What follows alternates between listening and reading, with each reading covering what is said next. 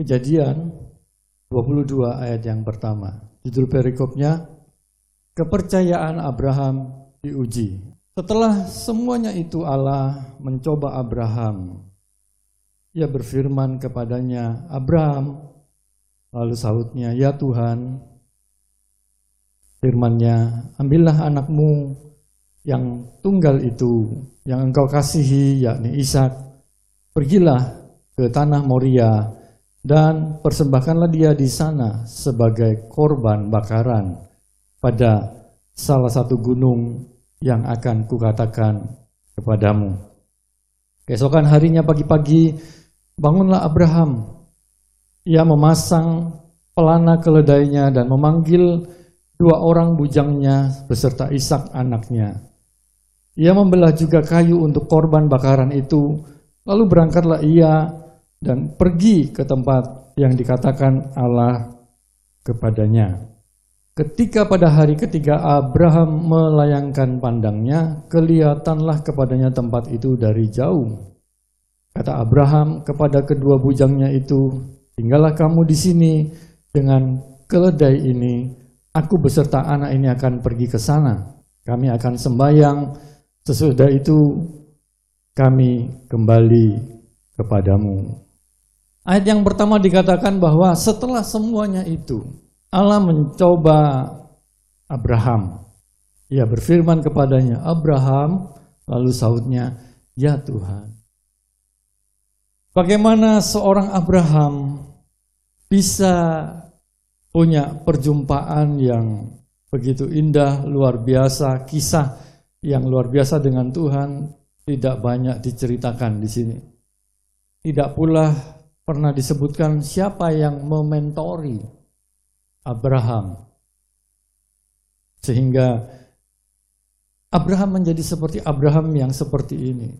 Hubungannya begitu erat, intim, lekat dengan Tuhan.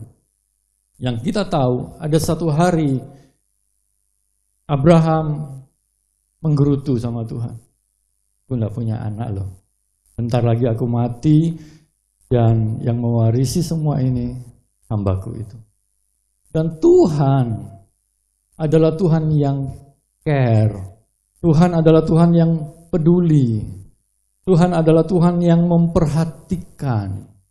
Tuhan adalah Tuhan yang mengasihi Abraham. Tuhan yang sama, Tuhan yang care, yang peduli, yang memperhatikan Abraham.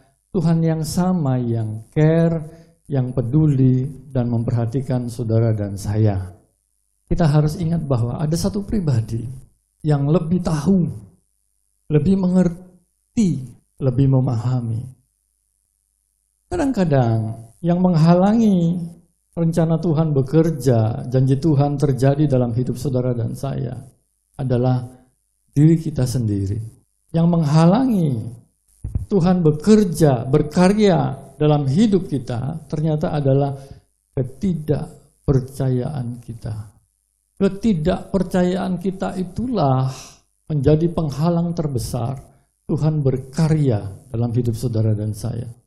Ketidakpercayaan itulah menjadi penghalang besar Tuhan memakai hidup saudara dan saya. Ada satu perubahan dalam diri Abraham. Dari tidak percaya menjadi percaya. Karena apa? Menerima janji, menerima bukti. Sejak hari itu terjadi transform, transformasi. Pandangannya tentang Allah itu ditransformasi karena dia menerima mujizat, keajaiban. Melihat karya Tuhan yang tidak masuk akal di dalam pikirannya. Eh ternyata Tuhan itu setia dengan janjinya. Ternyata aku salah. Aku tidak percaya. Ternyata Tuhan yang benar. Tuhan sanggup masih melakukan mujizatnya. Dia Tuhan yang berkuasa. Isa lahir. Isa bertambah besar, bertambah besar. Pada satu hari, ayat yang baru kita baca. Kejadian 22 ayat yang pertama ini. Firmannya berkata, setelah semuanya itu, setelah bagaimana dari cerita curhatnya Abraham kepada Allah dan Allah berfirman dan menggenapi janjinya setelah semuanya itu. setelah Abraham pun mengalami transformasi. Abraham sudah ber, berubah dari tidak percaya menjadi percaya. Setelah Abraham mengalami banyak hal itu dengan Tuhan, setelah semuanya itu, Allah mencoba Abraham. Abraham, ya Tuhan, ini anak yang engkau janjikan, yang engkau kasihi, Tuhan tahu. Abraham begitu mengasihi Isa, yakni Isa pergi ke tanah Moria persembahkanlah Isa di sana. Hati Abraham pada waktu itu pecah hancur berkeping-keping. Tuhan aku sudah berubah loh Tuhan. Dari tidak percaya kepadamu sekarang percaya. Ketika kita belajar mempercayai Tuhan. Prinsip pertama yang harus kita ingat pertama adalah mempercayai Tuhan yang pertama berarti dia satu-satunya dan tidak ada yang lain. Ketika Abraham belajar mempercayai Tuhan, suatu hari Tuhan berfirman dan memberikan perintah yang menunjukkan ada satu kondisi yang tidak diharapkan Abraham akan terjadi. Abraham tidak punya Allah alternatif. Abraham tidak mencari arah Allah yang lain, Allah yang cuman bisa menyenangkan hatinya, yang bis yang cuman bisa memuaskan hatinya, yang cuman bisa menuruti keinginannya, yang cuman bisa menjawab permohonan doanya. Ketika kita belajar mempercayai Tuhan, prinsip yang pertama, tidak boleh ada Allah yang lain dalam hidup saudara dan saya. Tidak boleh ada Allah alternatif. Dia harus menjadi the only one, satu-satunya. Yang kedua, ketika kita belajar mempercayai Tuhan, tidak ada plan B. Jika satu saat Tuhan yang kita sembah, kita berdoa kepadanya, tidak menjawab doa kita tidak memberkati seperti yang kita inginkan, maka kita harus ambil plan B. Tidak boleh seperti itu. Mempercayai Tuhan hanya trust in God.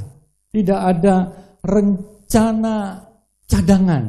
Ketika Allah berfirman kepada Abraham, ambillah anakmu yang tunggal itu yang engkau kasihi yakni Isa. Pergilah ke tanah Moria dan persembahkanlah dia di sana sebagai korban bakaran. Wow, satu berita yang sangat menggoncangkan dalam hidup Abraham. Mungkin hari itu dia berada di titik terendah dalam hidupnya. Masih maukah aku mengikuti Tuhan yang seperti ini. Dia yang berjanji kasih aku anak. Sekarang dia yang ingkari, sepertinya tanda kutip, dia ingkari dia mau ambil anakku ini. Lihat, lihat seorang Abraham ini, lihat respon Abraham ini. Lihat totalitasnya seorang Abraham ini mempercayai Tuhannya. Lihat transformasinya Abraham ini ternyata masih nyangkut sama cara berpikirnya Tuhan. Coba kita lihat Ibrani pasal yang ke-11. Ibrani pasal yang ke-11 ayat yang ke-17. Ibrani ayat yang ke-11 ayat yang ke-17. Karena iman maka Abraham tatkala ia dicobai mempersembahkan Isa, ia yang telah menerima janji itu rela mempersembahkan anaknya yang tunggal Garis bawahi. Rela. Rela. Tidak banyak orang memperhatikan kata ini. Rela. Ketika seseorang menerima berkat atau jawaban doa dari semua keinginan kerinduan yang dia miliki selama ini Tuhan jawab doanya, Tuhan kabulkan kerinduannya. Ada satu saat di mana ada satu kondisi di mana Tuhan izinkan sesuatu yang secara manusia buat dirinya punya alasan untuk kecewa sama Tuhan. Kita ini paling pinter saudara menggunakan kesempatan kecewa sama Tuhan. Untuk apa? Untuk membenarkan diri kita sendiri dan menyalahkan Tuhan. Kita lupa bagaimana kita harus tetap mempercayai Tuhan dalam setiap kondisi apa pun juga yang Tuhan izinkan terjadi dalam hidup saudara dan saya. Sehingga Abraham bisa rela, Abraham ini bisa imannya itu nyampe gitu loh sama jalan pikirannya Tuhan. Ya Tuhan, Engkau yang kasih. Kalau Engkau mau ambil semua daripadamu, semua yang Engkau punya, kehendakmu saja yang jadi. Bayangkan, yang namanya Abraham hari itu berada di titik terendah dalam hidupnya. Di titik terendah dalam hidupnya dia masih tetap percaya kepada Allahnya. Dia rela. Bagaimana Abraham bisa bertumbuh sedemikian rupa sehingga tetap mempercayai Tuhannya.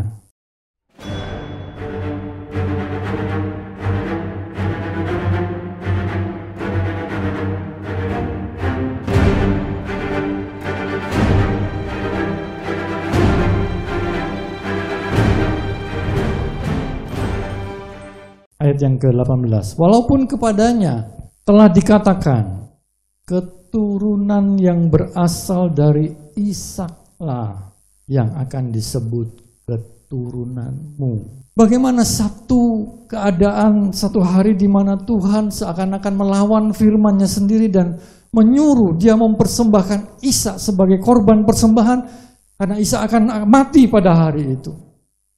Ayat yang ke-8 ke-19 menjelaskan karena Abraham berpikir bahwa Allah berkuasa membangkitkan orang-orang sekalipun dari antara orang mati.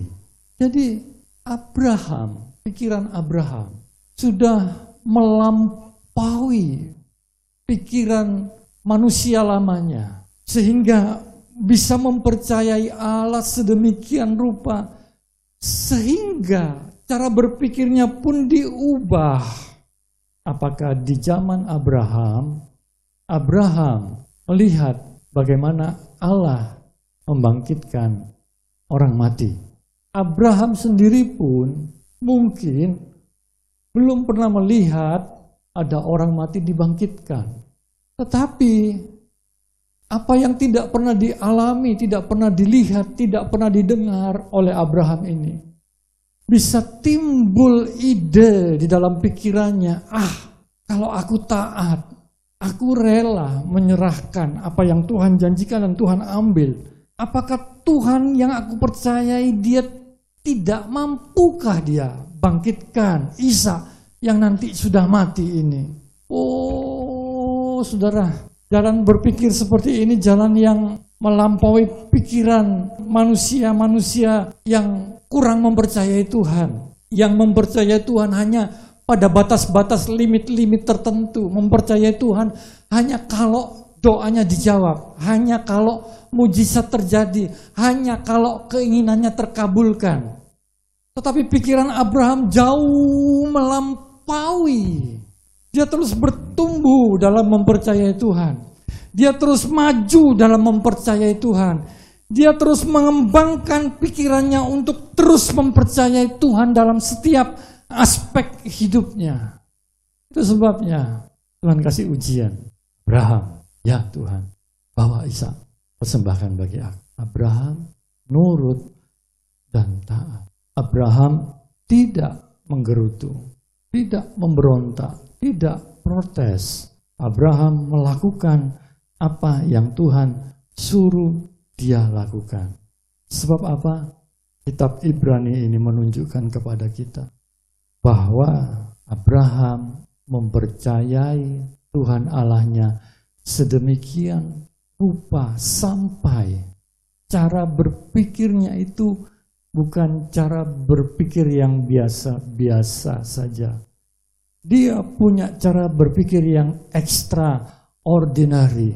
Sehingga dia bisa mempercayai Tuhannya sedemikian rupa sehingga Tuhan memperhitungkan imannya ini sebagai kebenaran. Cuman Abraham loh yang bisa kayak gini kata Tuhan dan aku memperhitungkan imannya ini sebagai kebenaran.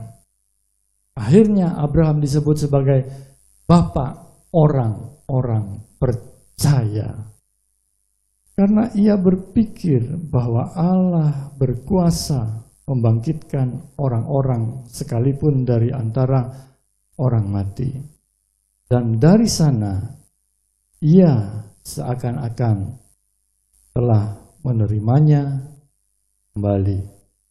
Kembali ke kejadian pasal yang ke-22, ayat yang ke-6. Lalu Abraham mengambil kayu untuk korban bakaran itu dan memungkulkannya ke atas bahu Ishak anaknya. Sedang di tangannya dibawanya api dan pisau. Demikianlah Keduanya berjalan bersama-sama.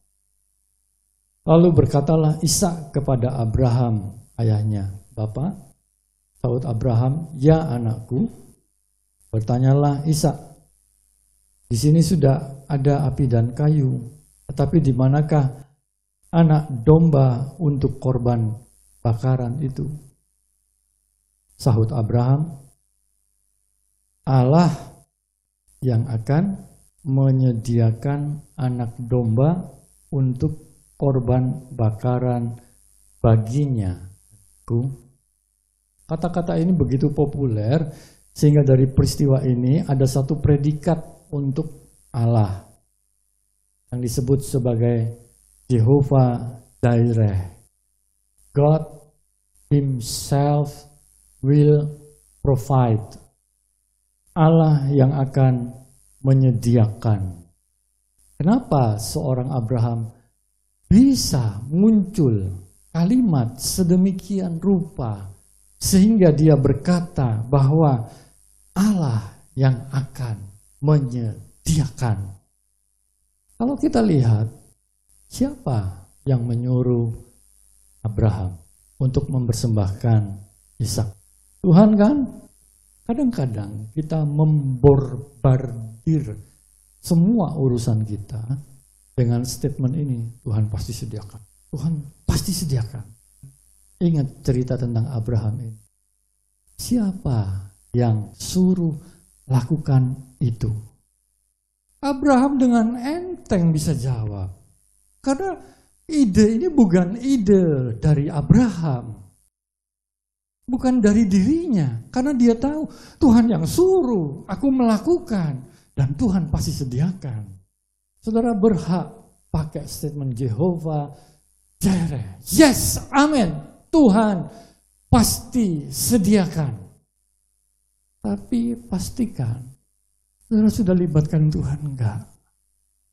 Waktu saudara putuskan, ya aku kerjakan ini, aku ambil ini. Itu atas pimpinan, tuntunan roh kudus hikmat, pimpinan yang penuh dengan damai sejahtera dari roh Allah.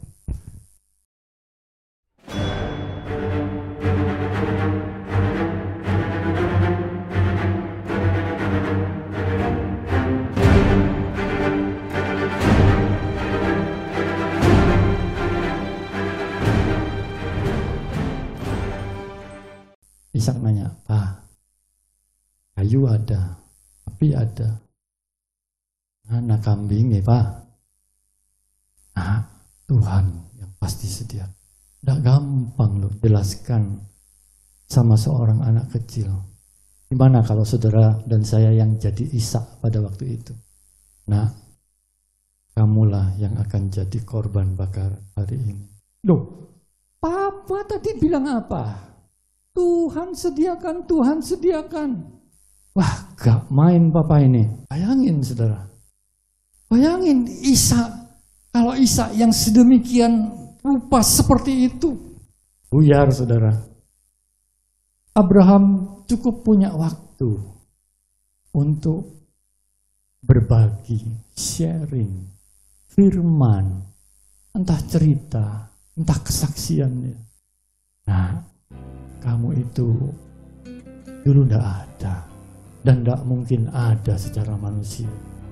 Kalau tidak karena Tuhan, kamu tidak pernah bu, lupakan Tuhan ya. Cerita singkat, padat, jelas tapi itu benih iman. Abraham menularkan kepada Isa bagaimana mempercayai Tuhan. Lihat hasilnya. Isa rela berbalik. Ayat yang ke 9. Sampailah mereka ke tempat yang dikatakan Allah kepadanya. Lalu Abraham mendirikan mesbah di situ, disusunnyalah kayu diikatnya Isa anaknya itu dan diletakkannya mesbah itu di atas kayu api. Sesudah itu Abraham mengulurkan tangannya lalu mengambil pisau untuk menyembelih anaknya. Tetapi berserulah malaikat Tuhan dari langit kepadanya. Abraham, Abraham, sahutnya, Ya Tuhan. Lalu Tuhan berfirman, jangan bunuh anak itu dan jangan kau apa-apakan. Sebab telah ku ketahui sekarang moment of faith telah ku ketahui sekarang bagaimana kamu mempercayai aku ukuran, timbangan imanmu kepadaku sudah ku ketahui sekarang. Sudah pas lewat ujian, lulus ujian sekarang. Bahwa engkau takut akan Allah dan engkau tidak segan-segan untuk menyerahkan anakmu yang tunggal itu. Lalu Abraham menoleh dan melihat seekor domba jantan di belakangnya yang tanduknya tersangkut dalam belukar.